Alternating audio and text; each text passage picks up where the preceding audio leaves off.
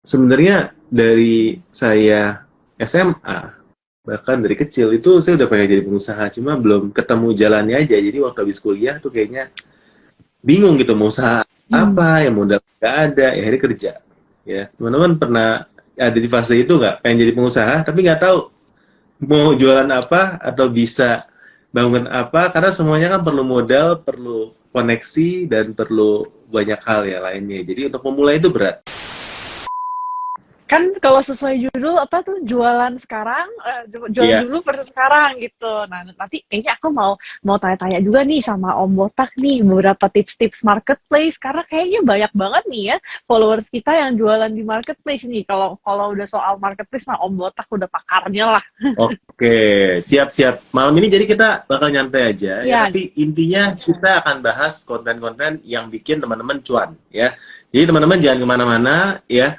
malam ini saya sama Kelly bakal bantu teman-teman supaya teman-teman yang hadir ya minimal satu jam ke depan ini punya mindset yang pasti berbeda nanti habis habis IG live ini. Bener ya? Nah Cuma sebelumnya semuanya. Sebenarnya saya tuh penasaran ya uh, kan dulu kan nama Instagramnya kan Lady Boss Project ya. Ini oh iya iya iya. bener, ini bener. Uh, Lady Bossnya ke mana gitu ya? Apa karena udah ganti ke jadi jadi Kals Patricia atau memang mungkin boleh sharing-sharing awal mulanya bangun Instagram ini apa memang dulu cuma pengen konten atau sharing-sharing atau berasal dari kegalauan dalam uh, merintis bisnis gitu ya pada hmm, pada awal. Oke okay, oke. Okay. Jadi dulunya itu aku nggak pernah baik, nggak pernah mimpi untuk bisa jadi influencer ya gitu. Jadi pertama aku bikin account Instagram itu buat jualan. Makanya namanya Lady Boss Project itu untuk aku jualan kelas sama jualan buku. Oh jadi Lady Boss Project itu jualan kelas, kelas digital jualan, ya? Iya, ah ya e-course, jual kelas keuangan tentang ya kelas keuangan gitu. Lady Boss Project tapi memang lebih targetin ke wanita gitu. Makanya namanya Lady Boss gitu kan sama buku buku kayak buku untuk self development wanita gitu sih. Nah makanya awalnya itu aku bikin accountnya namanya Lady Boss Project gitu. Nah terus lama-lama makin dijalanin kok kayaknya makin personal ya gitu konten-konten yang tentang aku malahan ya ada buka aku yang aku cerita tentang diri aku malahan lebih rame gitu. Which is why kayak aku pikir kayaknya lebih baik dipisahin deh kayaknya bisa aku lakuin personal branding gitu. Jadi aku pisahin. Jadi yang dulunya Lady Boss Project aku ganti username-nya jadi Kels Patricia yang akun sekarang ini teman-teman. Yeah. Dan Lady Boss Project aku bikin akun baru. Nah, itu aku oper ke tim karena menurut aku kalau personal branding itu lebih butuh follower kan ya ini udah terlanjur follower udah lebih banyak kan. Jadi aku pikir kalau personal branding itu kayaknya lebih butuh followers gitu. Kalau misalnya jualan kan bisa pakai ads gitu atau yeah. atau cara lain kan yang penting ada pembeli gitu. Nggak harus kayak bener-bener kayak followernya banyak banget kayak gitu. Makanya aku uh, bikin account baru dan itu aku oper ke tim. Gitu sih. Jadi buat teman-teman yang kepo kenapa aku ganti username? Ya padahal udah agak lama gitu aku ganti username. Udah beberapa bulan yang lalu gitu. Wow keren keren. Berarti sekarang uh, fokusnya dari uh, Kelly sendiri. Saya punya Kelly nggak apa-apa ya? Boleh gak ya? apa Memang namanya ya. Iya iya oke. Saya mau panggil bos tapi nggak enak ya. Jangan jadi jangan jangan panggil ya. aku bos. ya. Uh, jadi fokusnya Kelly berarti tetap uh, menggarap Lady Boss uh, project ini sebagai konten untuk membantu khususnya tadi wanita untuk self development sama finance atau juga ada jualan online ya. Nah ini yang saya penasaran sebenarnya. Kalau jualan online mungkin lebih ke kontennya aja yang bahas soal bisnis gitu. Tapi kalau produknya itu lebih ke tentang manajemen keuangan sih. Untuk tapi memang manajemen keuangannya untuk bisnis owner. Jadi bukan tentang kayak investasi atau saham gitu sih. Enggak. Lebih ke untuk bisnis owner, terutama uh, pemilik UMKM gitu. Jadi kayak yeah. uh, people yang bu yang punya online shop, gimana caranya untuk memanage keuangan seperti contohnya bikin laporan keuangan gitu sih buat teman-teman yang mau kepoin nanti ya setelah live ya. Jadi sekarang simak dulu gitu. Nah, jadi buat teman-teman ya yang tadi tuh perlu tuh ya kayaknya aduh aku perlu dibantu tuh finance-nya ya, tapi aku bingung mau belajar di mana. Boleh tuh kepoin. Uh, ada pasti ada link di link, link di profilnya Kels Patricia untuk tadi e-course-nya. Pastinya sangat bantu teman-teman karena menurut saya memang finance ini penting banget, krusial banget buat teman-teman yang sedang membangun usaha, ya kan? Karena kalau usahanya kelihatannya rame tapi nggak pernah dihitung finance ya kemungkinan teman-teman nggak tahu nih. Ada somewhere yang bocor ah, nih. untung atau rugi nggak tahu. Ya kok duitnya nggak pernah ada, nggak pernah kelihatan, cuman kayak hotel numpang numpang lewat doang. Jadi teman-teman itu wajib banget ya. Iya. Oke. Okay. Iya. Nah, by the way, uh, kok yeah. aku mau tanya nih, boleh, boleh. apa cerita di balik nama cerita Om Botak nih? Aku penasaran. Padahal aku lihat nih, kok kok Jonathan kan namanya kan, yeah. Ko Jonathan nggak botak, kenapa namanya cerita Om Botak kok? Waduh, kita hari ini saling saling bertanya nama nama dari akunnya ya. Iya nih, aku penasaran dan aku yakin teman-teman di sini kayaknya mungkin ada yang kepo juga kenapa namanya cerita Om Botak. What's the story? Oke, okay. uh, nama akun cerita Om Botak ini karena dari tahun 2011 gue itu udah menjalankan bisnis online berjualan di marketplace hmm. dan nama toko pertama dan yang masih sampai sekarang masih ada nama tokonya adalah Om Botak. Oh, oh, wah dari 2011 ya kok yeah. itu udah lama banget udah 12 tahun dong berarti wah ini guys ini suhunya nih udah pengalamannya 12 tahun nih yeah. 12 tahun yang lalu aku masih sekolah ya jadi uh, waktu itu uh, inspirasi nama Om Botak kalau kalau nono masih penasaran ya ya, ya nama toko toko saya Botak padahal orangnya nggak botak. Dan uh, sebenarnya dari nama papa mertua sih. Jadi waktu itu uh, papa mertua tuh berjualan spare part sepeda. Nah saya waktu itu bilang ya kenapa nggak spare sepedanya di online online aja? Soalnya uh, waktu itu lagi booming tuh uh, sepeda pada tahun itu. Jadi saya pikir ya bantulah mengonlinekan bisnis dari papa mertua. Jadi barang pertama yang saya upload waktu itu adalah uh, cover sepeda, cover buat saddle sepeda. Dan itu kurang lebih satu minggu udah laku dan itu membuat saya percaya waktu itu ya wow ternyata bisnis online itu nyata ya. Waktu itu kayaknya uh, amazing banget. Dan teman-teman yang memang saat ini tuh belum pecah telur ya goalnya tujuan kamu tuh waktu jualan dari upload sampai ini tuh supaya dapetin perasaan pecah telur pertama dari orang yang nggak kamu kenal Hmm. Kalau yang beli temen, saudara, ya kan support ya istilahnya dari komunitas. Iya, iya benar-benar benar. Itu nice, very good. Tapi perasaannya kan beda kalau ini benar-benar beli dari orang yang nggak kamu kenal sama sekali. Jadi uh, usahakan itu karena feeling itu kalau teman-teman dapat itu akan membuat teman-teman makin semangat buat jualan. Itu akan jadi kayak bola salju yang guling makin lama makin gede dan itu akan membuat kita makin semangat. Dan waktu itu ya saya juga akhirnya dari jual dari barang papa mertua ya spare part sepeda. Akhirnya saya bilang wah bisa nih barang lain ya. Akhirnya toko dari papa itu saya buatin akun baru. Saya ambil ombotaknya baru personal branding. Uh, karena itu udah udah nyantol ya kan. Akhirnya uh, bukan cuma toko online yang saat ini saya jalankan saya punya beberapa toko uh, di beberapa kategori tapi juga akhirnya mulai sharing tips dan trik uh, cara jualan online dari tahun 2019 karena alasannya Mungkin sama kayak Kels nih. Alasannya saya ingin jual buku yang saya tulis sendiri. Eh, buku buku fisik. Tahun 2014. Ya. Dan uh, waktu sebelum COVID, buku itu terbit. Jadi pas ketemu momentum yang, yang, yang, yang tepat lah. Dan buku itu namanya Marketplace Marketing, ngajarin cara berjualan di marketplace. Ya gitu sih ceritanya.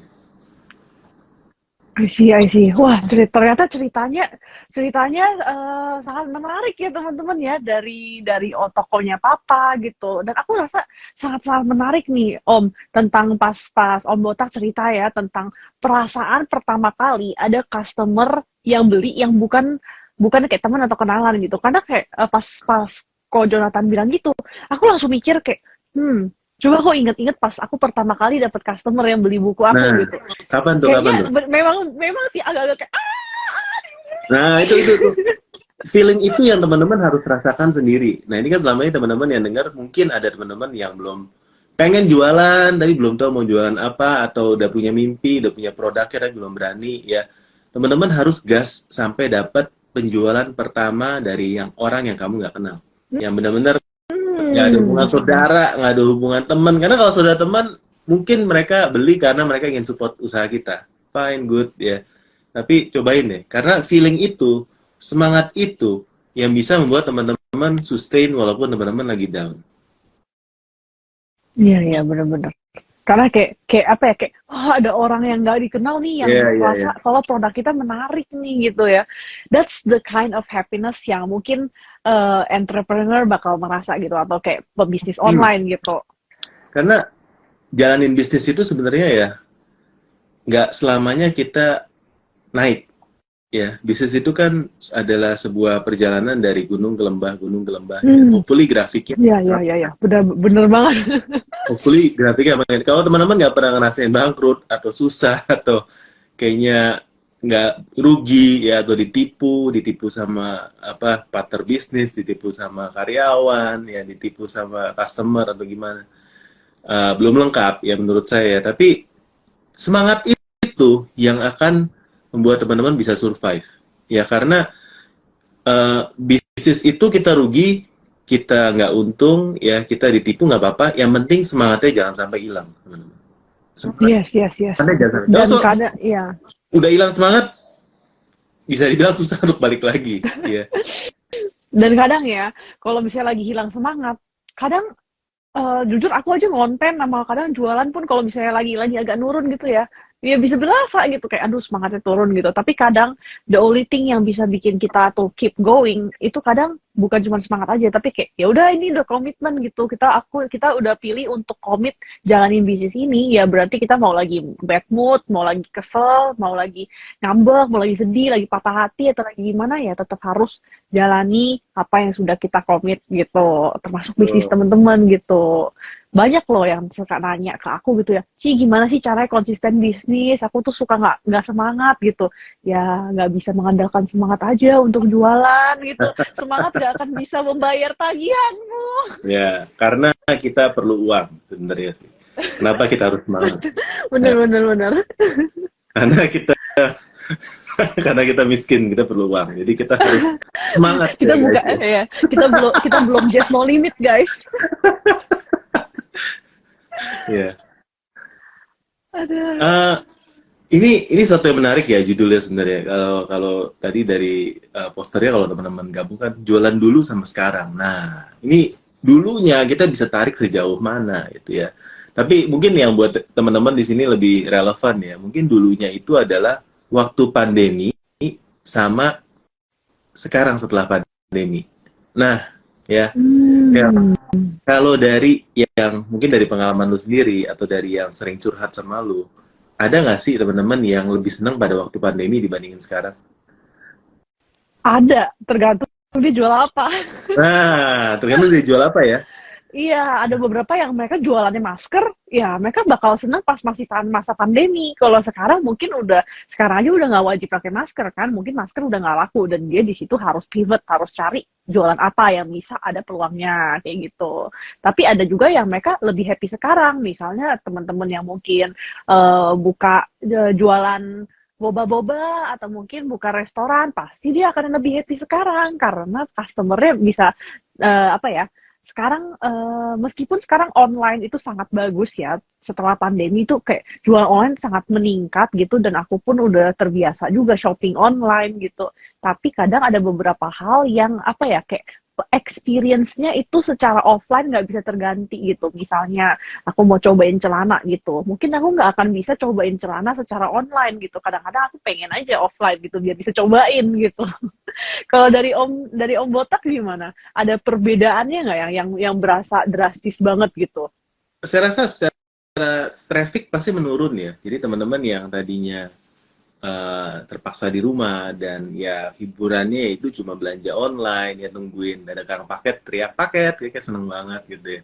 Nah, karena kayak ya itu hiburannya waktu itu kan kita nggak bebas ke mana-mana. Sekarang ya udah berbeda kita bebas ke mana-mana. Kita kalau mau beli barang tinggal ke mall, tinggal ke toko, kita bisa cobain. Kita sekarang duitnya mungkin bisa spend buat uh, traveling ya kita, kita Konser. bisa experience nonton konser ya kan.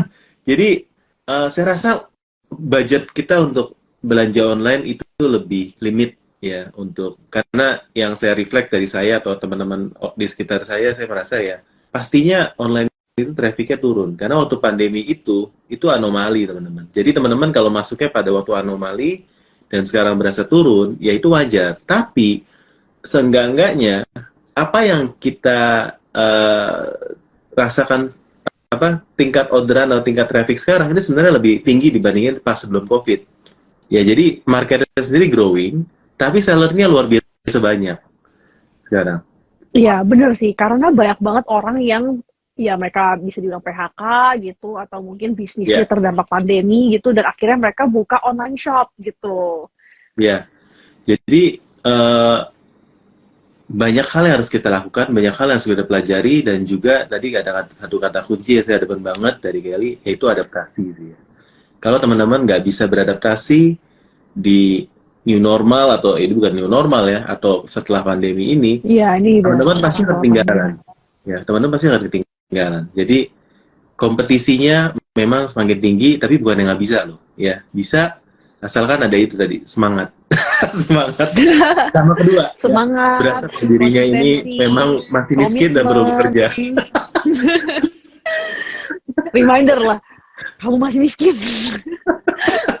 kamu masih butuh duit. Ya, masih butuh duit, ya kan?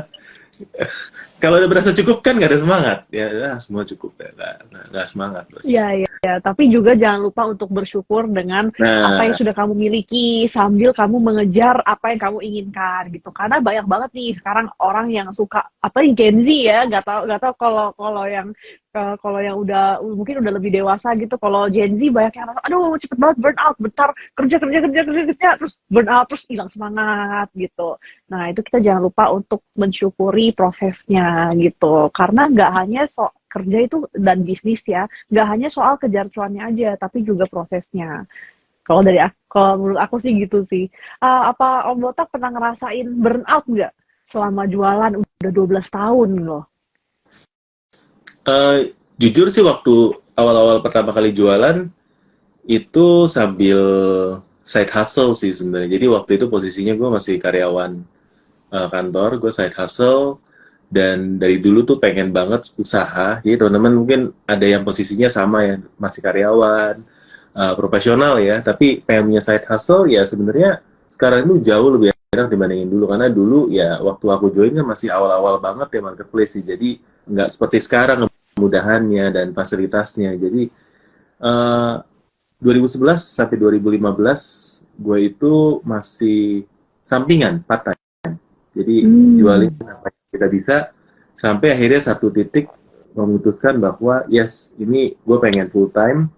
Yes ini gue pengen eh, fokusin karena selamanya kalau nggak difokusin nanti akan salah satu nih.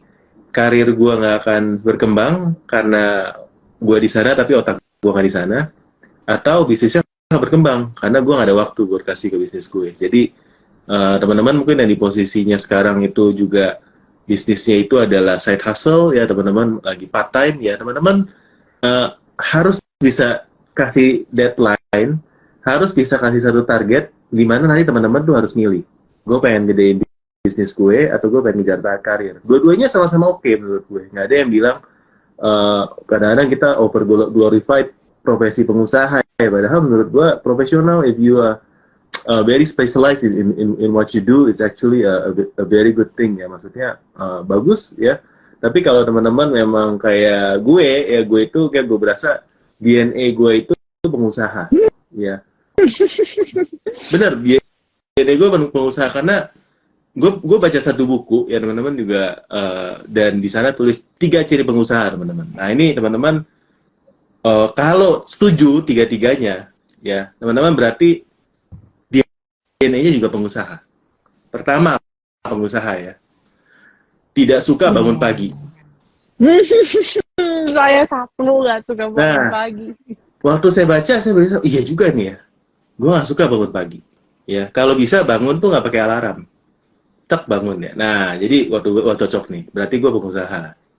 Ya kedua ya tidak suka disuruh-suruh. Nah gue paling nggak suka disuruh-suruh apalagi sama atasan. Ya, ya gue bangsa Kalau ya gue atas suka disuruh-suruh. pinter nggak apa-apa, kalau atasannya bego males. ya. Nah yang yang yang ketiga gue nggak suka gajinya kecil. Nah karena karena gue berasa tiga hal itu cocok makanya gue berasa uh, DNA gue cocoknya jadi pengusaha I see, I see. Ya bener sih, memang banyak ya harus diakui ya guys, business owner Yeah. banyak yang memilih jadi business owner karena ya income-nya gitu. Karena kalau misalnya nih kita itu eh, kerja kantoran gitu ya, kalau misalnya kamu rasa kamu mau naikin income gitu, mungkin lebih susah untuk kamu harus pertama bujuk manajer, kamu harus kejar target, kamu harus sangat-sangat perform untuk bisa bujuk manajer kamu untuk naikin gaji Yeah. kamu gitu. Nah, tapi kalau sebagai business owner, sebenarnya memang kontrolnya ada di tangan kamu gitu. Kalau kamu rasa aku mau dapat income lebih, berarti kamu harus putar otak gimana caranya biar kamu jualannya makin laku, biar kamu dapat lebih banyak duitnya gitu kan. Yes, yes, yes. Yes. Dan pengusaha itu bukannya kerjanya lebih sedikit daripada karyawan. No, no, lebih- no, no, no, no. ya, Malahan pengusaha kerjanya nggak kenal waktu guys. nggak kenal waktu ya. Long weekend, ya malah kita se- malah malah gue sebel kalau long weekend. Udah segila atau harus tutup ya. Karyawan dapat cuti, ya kita nggak pernah cuti. Iya, Libur kita mau lebaran kita nih, masuk. Mikir terus. Ya. Sabtu Minggu nggak ada libur, nggak ada libur guys. Jadi sebenarnya pengusaha itu eh, kerjanya banyak, ya karena Ya. kita bekerja untuk diri kita sendiri. Jadi ya itu sih suka duka pengusaha ya. Yes. Nah, Tapi tapi kalau yang nah ini tapi apa nih tapi yang yang paling lo seneng apa Iya. jadi jadi pengusaha? yang paling gue senang itu adalah time flexibility. Jadi meskipun kerjaannya banyak gitu, terus bisa kerjanya nggak kenal waktu, tapi aku bisa pilih gitu. Aku mau kerjanya jam berapa. Kalau aku mau kerja pagi-pagi ya terserah gue gitu.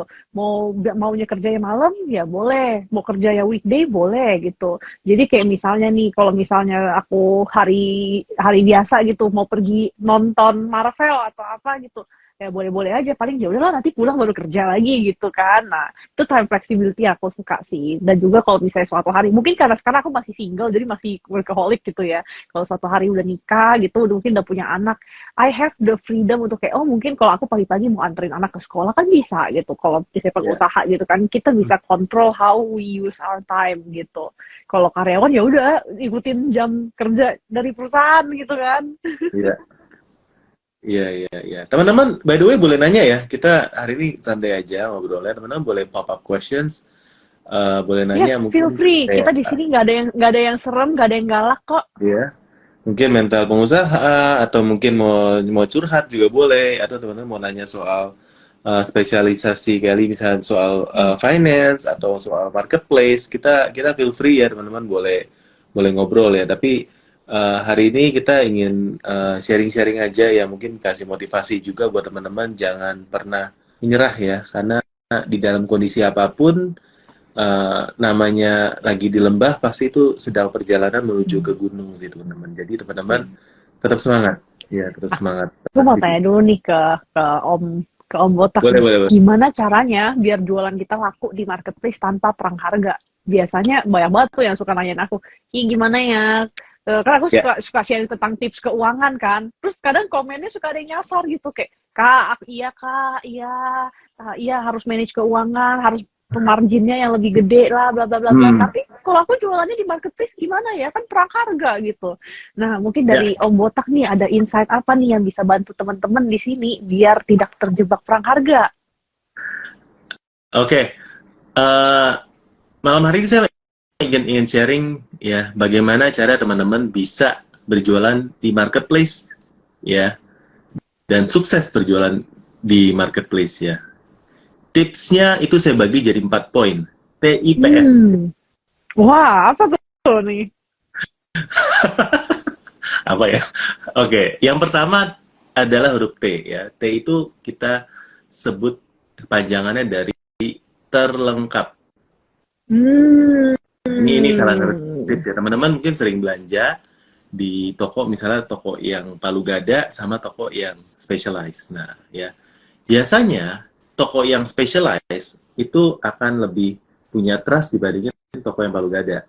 Biasanya. Misalnya teman-teman itu cari uh, jepitan rambut ya. Teman-teman mungkin akan lebih senang kalau cari toko yang jualnya satu toko tuh jepitan rambut segala macam model, motif, uh, size, warna dan lain-lain ya.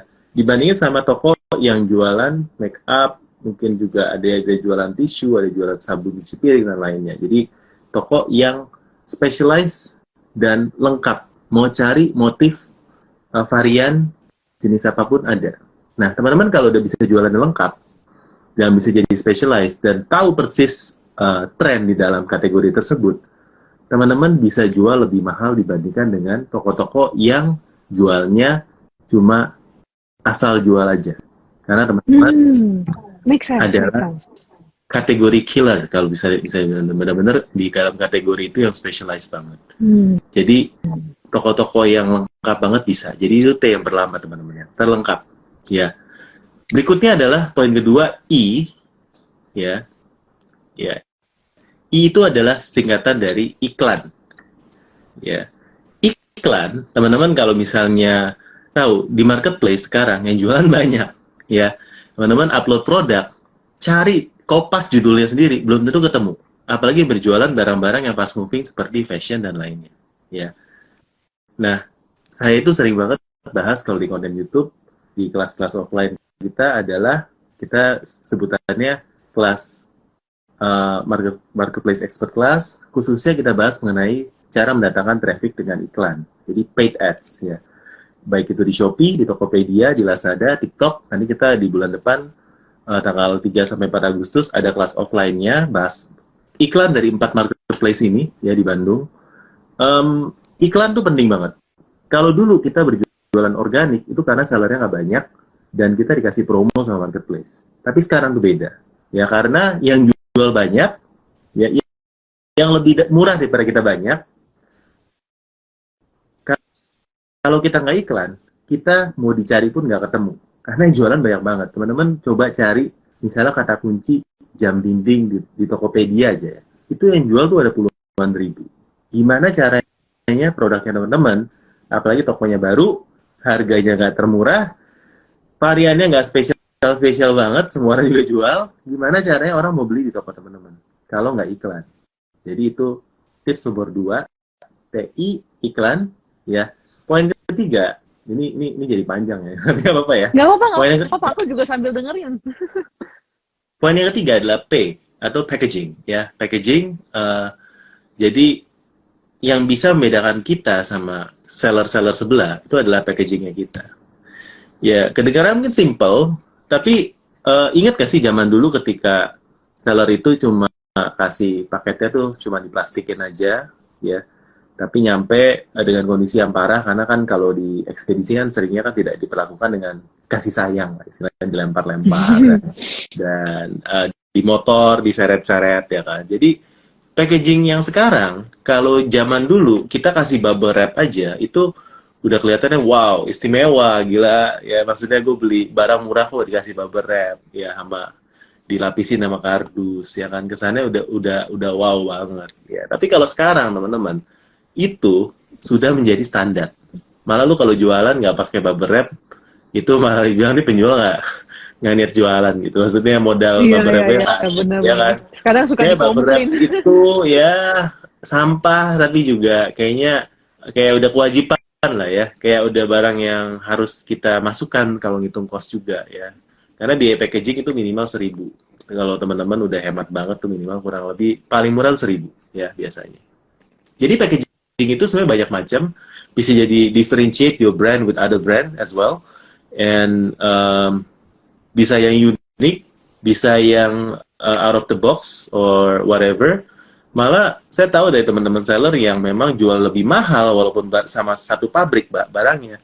Dia bongkar packaging dari pabrik and then he at- atau she repackage them into different package. Jadi dia repacket lagi jadi nggak ketahuan ini barang apa bahkan bisa dari beberapa source beberapa pabrik dia bongkar-bongkar paketan sana di mix dijadikan satu produk yang baru jadi mix and match dan itu dia bisa jual lebih mahal daripada kompetitor yang jualan apa adanya. Karena once you become a box pusher, jadi tukang dorong kardus dari pabrik ke customer without adding any value you cannot sell higher than competitors karena lu nggak adding any value di sana.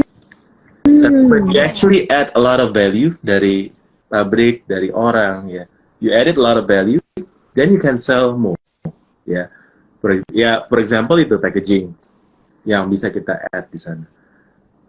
Jadi P from TIPS ya, P-nya itu adalah packaging tadi ya. Jadi yang pertama, teman-teman kalau boleh ulang adalah terlengkap. Terlengkap. I-nya iklan, Iklan. packaging. Tiga Nah, S. Yang terakhir, ya, supaya kita dingin di sini ya, S-nya adalah service. Ya, service ini easy said dan actually done actually ya. Jadi service ini meliputi banyak hal, teman-teman. Ya. Kalau di- dulu tuh zamannya kita buat toko, teman-teman di marketplace ya kita duplicate banyak toko, terus kita banjiri pasar ya pokoknya dengan toko kita ada di mana-mana yang punya sama semua dan duplikat tokonya di mana-mana. Cuma zaman sekarang nggak terlalu direkomend ya karena marketplace lebih suka toko yang satu gede tapi perform dan high a very uh, had a very good reputation di sana ya. Jadi karena maintain banyak toko itu susah. SDM-nya ya kan maintenance ya susah ya. Tapi teman-teman kalau mau punya toko yang sustainable, teman-teman harus kasih service yang bagus karena service itu yang membedakan kita dari toko sebelah dan ujung-ujungnya teman-teman bisa berjualan lebih mahal. Ya. Eh, lebih mahalnya gimana ya? Lebih mahal gimana? Yang make sense lah ya. Tergantung dari added value yang kalian kasih. Teman-teman kalau kasihnya sama, tentunya kalian nggak bisa jual lebih mahal lah. Dia kayak gitu. ya, tapi kalau kita ada Yes, satu yes, offer yang beda, pasti bisa. Nah, service itu bisa dalam beberapa hal. Ya, pertama kalau teman-teman kita ngomongin ekspedisi, kalau yang lain cuma pakai ekspedisi regular, ya, yang kalau sekarang regulernya dua hari tiga hari baru sampai, tapi teman-teman bisa menyediakan ekspedisi instan. Uh, for example, kita tahu Gojek, Grab, uh, Paxel, same day ya. Teman kalau bisa aktifkan itu, itu teman-teman dapat added value buat orang yang perlu cepat. Karena orang yang perlu cepat berani bayar lebih mahal. Ya, jadi ada added value itu, teman-teman bisa jual lebih mahal. Nah, dari sisi seller itu ribet. Ya, teman-teman tahu kalau di seller sini tahu ya. Kalau yang yang beli itu pakai pakai ekspedisi same day, itu merusak kita punya proses. Yang tadinya teman-teman bisa taruh di satu batch, santai jam 5 baru di pick up barangnya. Ekspedisi same day itu ngerusak karena dia harus di pick up sebelum certain hours. For example, sebelum jam 3 lo harus pick up, kalau cancel. Ya. Oh ada ada ada Ko Melvin. Oh, iya. Halo bro. Halo, Ya. halo. Halo, ya. Uh, thank you for watching. Um, jadi ekspedisi instan itu merusak kita punya algoritma kerja karena nggak bisa disatukan dalam satu batch harus ada special line untuk, untuk itu. Nah ini adalah service lebih kita, makanya kita bisa jualan lebih tinggi. Dan nggak semua tempat bisa di reach sama Gojek, GoSend dan lain-lain karena kalau teman-teman tinggalnya di kota yang agak eh, kecil yang belum ada ekspedisi itu atau di kabupaten atau di tempat-tempat yang ini pasti nggak bisa cuma bisa pakai reguler. Ya jadi tempat-tempat yang strategis di kota besar ya di jalan besar dan lain-lain itu baru bisa. Jadi itu ada harganya tapi of course ya operasional kita akan lebih bengkak di sana. Dibandingin kalau teman-teman bukanya di kota yang lebih kecil atau di di kabupaten dan lainnya ya jadi Iya. itu satu servis ya ya ekspedisi yang di- ditambah. Kedua servisnya adalah respon chat yang cepat. Nah ini kita ngomongnya gampang tapi pada waktu melakukannya susah banget. Ya. Kebayang nggak sih? Kalau Celerona dituntut untuk available ready standby 24 jam dalam membalas chat. Nah kalau kita nih kalau sebagai cowok ya biasanya kalau kita ngechatin toko tuh ya kita pilih yang yang respas respon duluan. Tipe ini ready nggak? Bisa kirim sekarang, bisa kirim besok pagi nggak sebelum jam 8. Saya perlu urgent. Ya. Saya kirim ke 10 toko yang jualan. Nggak peduli harganya, mau jebret jebret. Toko pertama yang balas, gue order. Oh, Ada begitu ya? Kalau cowok, cowok belanja ya? Aku baru tahu. loh. Coba mah, Sultan, nggak peduli harga. Yang penting lo barangnya cepat, barangnya ready. Ya kan? Tapi algoritmanya kalau sama cewek agak beda sih. Eh, ya memang kita ada perbedaan buying habit ya. Eh, belanja online. Aku males Tapi ngechat cowok- malahan. Aku males ngechat. Jadi aku cuma liatin kalau fotonya bagus, terus description-nya lengkap, terus harganya oke, aku langsung check out. Aku males ngechat Nah, soalnya. Karena aku udah tahu eh, pasti lama balasnya. Iya ya, Eh, itu lebih relevan pas kalau kita memang ada satu kebutuhan khusus sih. Misalnya kita beli barang teknik yang kita harus tahu uh, speknya atau gimana. Ya, ya tentunya seller yang bisa jelasin, bisa uh, available buat kasih kita good good service. Ya, ini ada garansi nggak segala macam ya. Maksudnya uh, teman-teman kalau bisa fast respon, terutama pada jam-jam yang orang lain udah tutup toko, misalnya jam 11 malam, jam 12 malam, jam 1, chances buat orang belinya itu tinggi sekali. Dibandingin kalau dia balasnya jam jam-jam kerja. Soalnya pada jam-jam kerja, orang lain juga lagi kerja yang beli. Tapi kalau jam-jam malam, yang beli itu lagi gabut, lagi browsing sebelum tidur, lagi insomnia, jadi pasti beli. Hmm, make sense, make sense. ya, jadi uh, kasih good service itu easy set, tapi ngelakuinnya susah. Karena once udah kasih ke tim, gimana caranya bisa bikin tim itu mau punya hati kayak kita untuk balas 24 jam. Sedangkan kalau owner kan kadang-kadang kalau saya dengar curhat tuh banyak seller-seller yang apalagi masih baru mulai ya. Itu kan ada kayak misalnya notif Shopee kan, Shopee gitu kan ya. Nah, teman-teman itu notifnya itu kalau dia mau tidur dikencengin teman-teman. Supaya lagi tidur, Shopee bangun. Ya balas chat dulu tidur lagi. Dan banyak seller kayak gitu. Perjuangannya lebih buat dapetin satu orderan, satu review ya. Itu berharga banget teman-teman. Jadi TIPS ya, terlengkap, hmm. iklan, dan servis. Teman-teman kalau bisa lakukan itu, ya saya yakin teman-teman bisa menjual lebih tinggi daripada kompetitor tapi tetap laku. Wih, tuh teman-teman catat praktek biar kamu nggak terjebak lagi di perang harga marketplace ya. Jadi udah nggak ada alasan lagi ya. Jadi kita kamu of course kalau kamu mau jual harga yang wajar gitu, yang bisa kasih kamu margin, yang nggak bikin kamu bener-bener cuma duit numpang lewat di rekening, berarti you have to give more value gitu. Meskipun kamu tuh reseller, kamu bisa kasih value dalam bentuk service, dalam bentuk packaging, bahkan dari dengan cara kamu nggak asal comot foto katalog dari supplier tapi kamu ambil foto sendiri gitu. Ada temen aku yang dia itu uh, awal-awal jualan gitu ya. Nggak modalnya nggak banyak dia dropship uh, dropship reseller. Jadi dia beli dari orang lain gitu bajunya tapi dia nggak hanya mengambil foto katalog dari suppliernya. Dia pakai bajunya terus dia foto biar kelihatan on model kayak iya. gitu. Dan yeah. itu tuh bikin orang ke, uh, terkesannya tuh kayaknya oh ini produksi sendiri nih atau brand sendiri gitu. Sampai modalnya terkumpul baru akhirnya dia bikin brand sendiri yang dia bener-bener produksi sendiri oper ke konveksi gitu. Jadi harus ada value ya teman-teman ya. Wah thank you yeah. banget tipsnya. Om botak gila daging banget tuh teman-teman. Padahal ini live loh bukan webinar loh tapi udah dapet ilmu yang sangat daging ya teman-teman ya Wah ini ada ada ada berapa yang nanya ya, tapi uh, tapi keep them coming ya. Nanti mungkin kita akan pilih satu atau dua yang yang menarik ya. Tapi uh, sekarang saya giliran mau tanya ke ke Kelly dulu nih ya. Jadi buat teman-teman ya mau mulai usaha nih ya, mungkin ke tips finance ya, yang mungkin tips finance paling dasar untuk pemula itu atau yang udah jalan tapi belum melakukan finance dengan baik itu apa gitu ya? Oke, yang paling pertama checklist dulu ya. Ya, kamu udah pisahin belum keuangan pribadi dengan keuangan bisnis gitu? Atau jangan-jangan selama ini customer transfernya masuknya ke rekening pribadi kamu dan nggak dipisahkan sama sekali gitu. Ujung-ujungnya liburan ke Bali pakai duit jualan atau nah. mungkin budget rumah tangga kepake buat restock barang. Nah, pertama checklistnya itu dulu.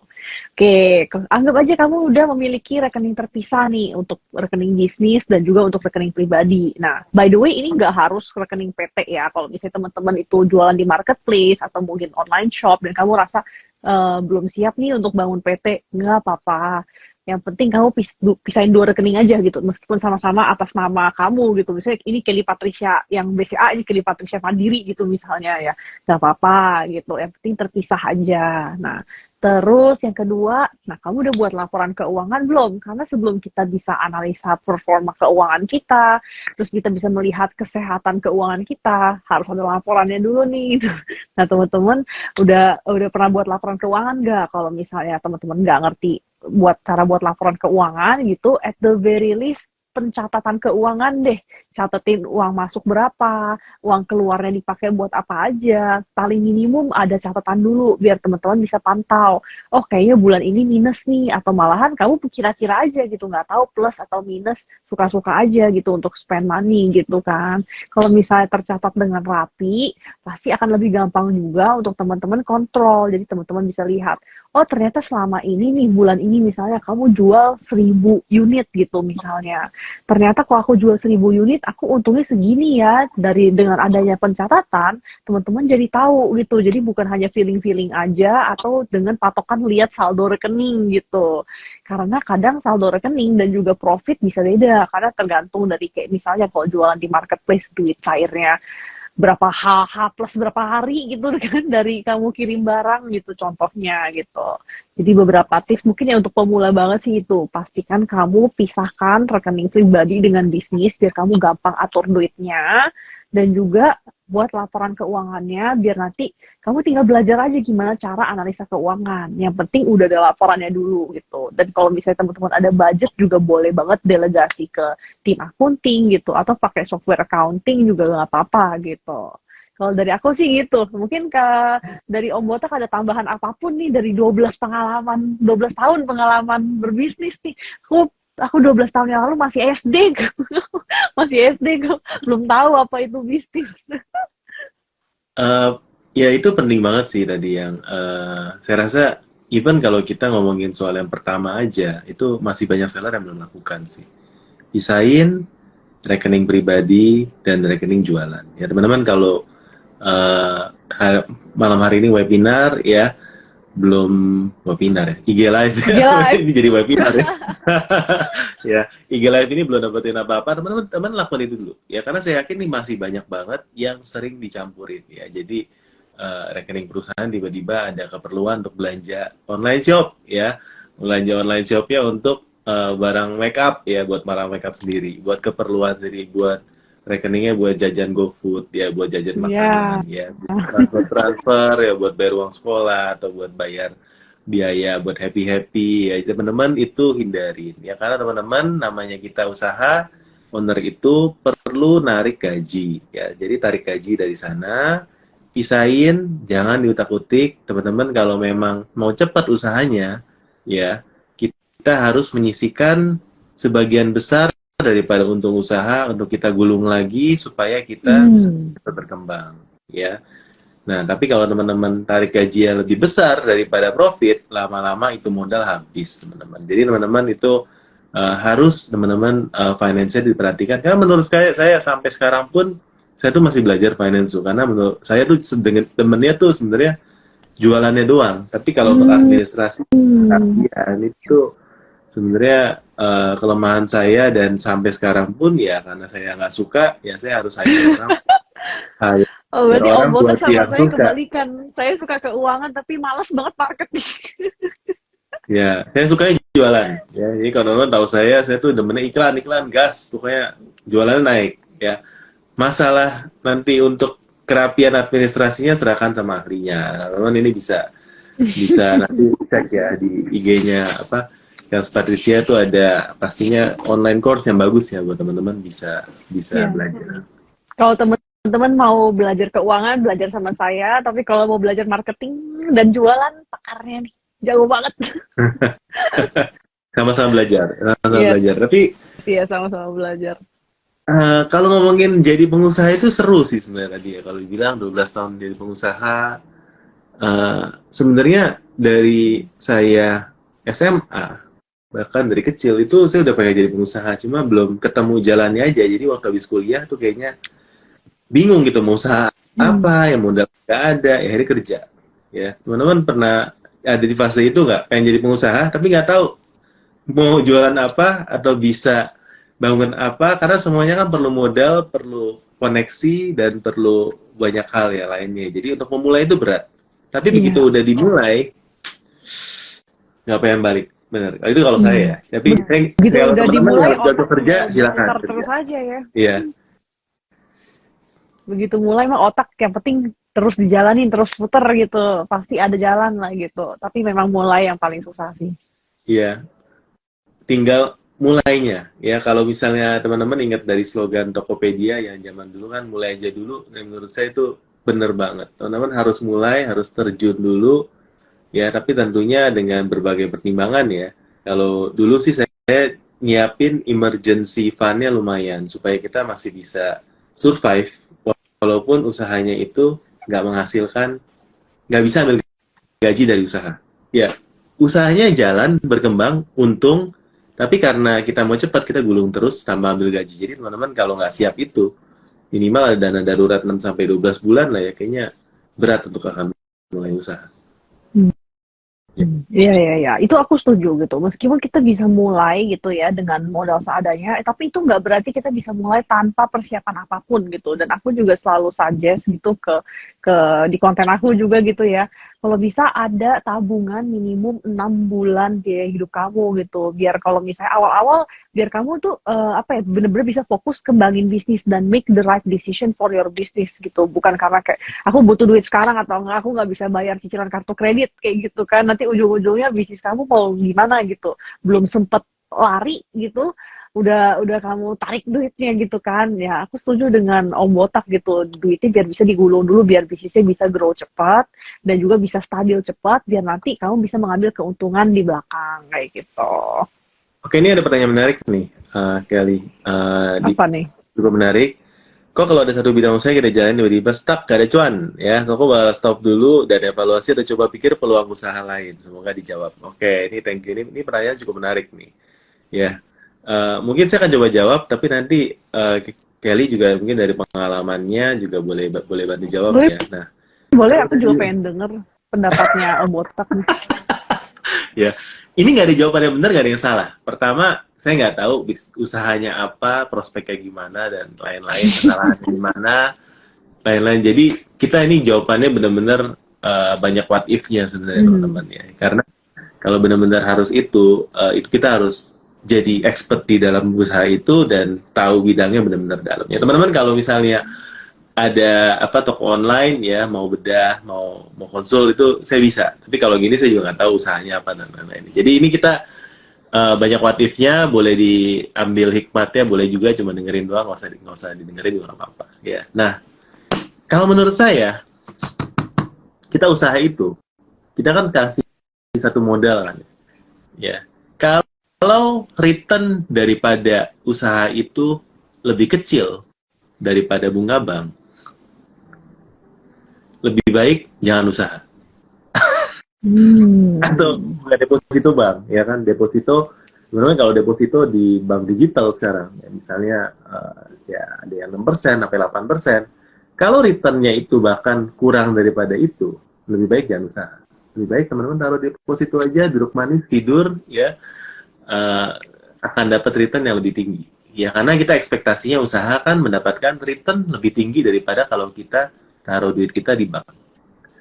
Ya jadi itu dulu. Nah tapi teman-teman kan berarti kalau udah mulai taruh saham maunya berkali lipat. Ya setahun bisa 50%, 100%. Nah habis itu jadi kita lihat nextnya usaha kita yang sekarang ya stuck nggak ada cuan kalau memang kita udah lakukan segala macam cara, kita udah minta bantuan mentor dan lain-lain, dan memang pilihannya kita harus tutup, lakukan sesegera mungkin sih menurut saya. Daripada teman-teman tahanin sampai setahun dan setiap bulan rugi. Ya, cepet-cepet cash out dan mengakui kalau kita ini udah gagal dan harus pivot. Karena sering kali yang lebih susah kita lakukan atau akui adalah egonya kita. Ya, teman-teman, untuk bisa mengakui kalau kita udah salah keputusan untuk untuk buka usaha itu udah salah decision, salah strategi, itu sulit. Karena ego kita ini yang kemakan kalau kita ini gagal. Jadi teman-teman harus akui itu dan benar-benar lihat dari kacamata sebagai ini ada duit duit gue ini capital gue lebih baik kita taruh di tempat lain yang returnnya lebih tinggi Nah, itu dari, dari saya sih. Karena menurut saya sebagai cowok juga untuk mengakui kalau gue gagal tuh susah. Gitu. Ya. Ini, ini, ini boleh sharing ya. Dulu gue itu ada ada usaha sebelum covid, namanya kopi om botak. ya, kalau kalau kalau cek di itu gue udah ada hakinya, udah ada franchise juga. Ya waktu itu lagi booming kan kopi kopi susu lah ya, maksudnya kopi ya minuman minuman kopi lah ya, kopi sama susu, kopi sama maca sama susu segala sama Yakult dia segala macam. Jadi kita buat itu udah ada franchise yang ngambil sama kita juga. Kita bukanya November sebelum COVID guys, ya. Um, kita ada beberapa lokasi, ya. Um, semua udah kita pikirkan menu menunya oke, okay, harganya oke, okay, uh, dan lain-lain. Tapi kena COVID. Kena COVID Maret kita baru buka 2-3 bulan. Kita coba sustain sampai Juni, tapi begitu di Juni setelah Lebaran, uh, saya dan partner decide close. Walaupun ruko itu kita baru sewa tuh masih panjang rukonya, tapi kita close.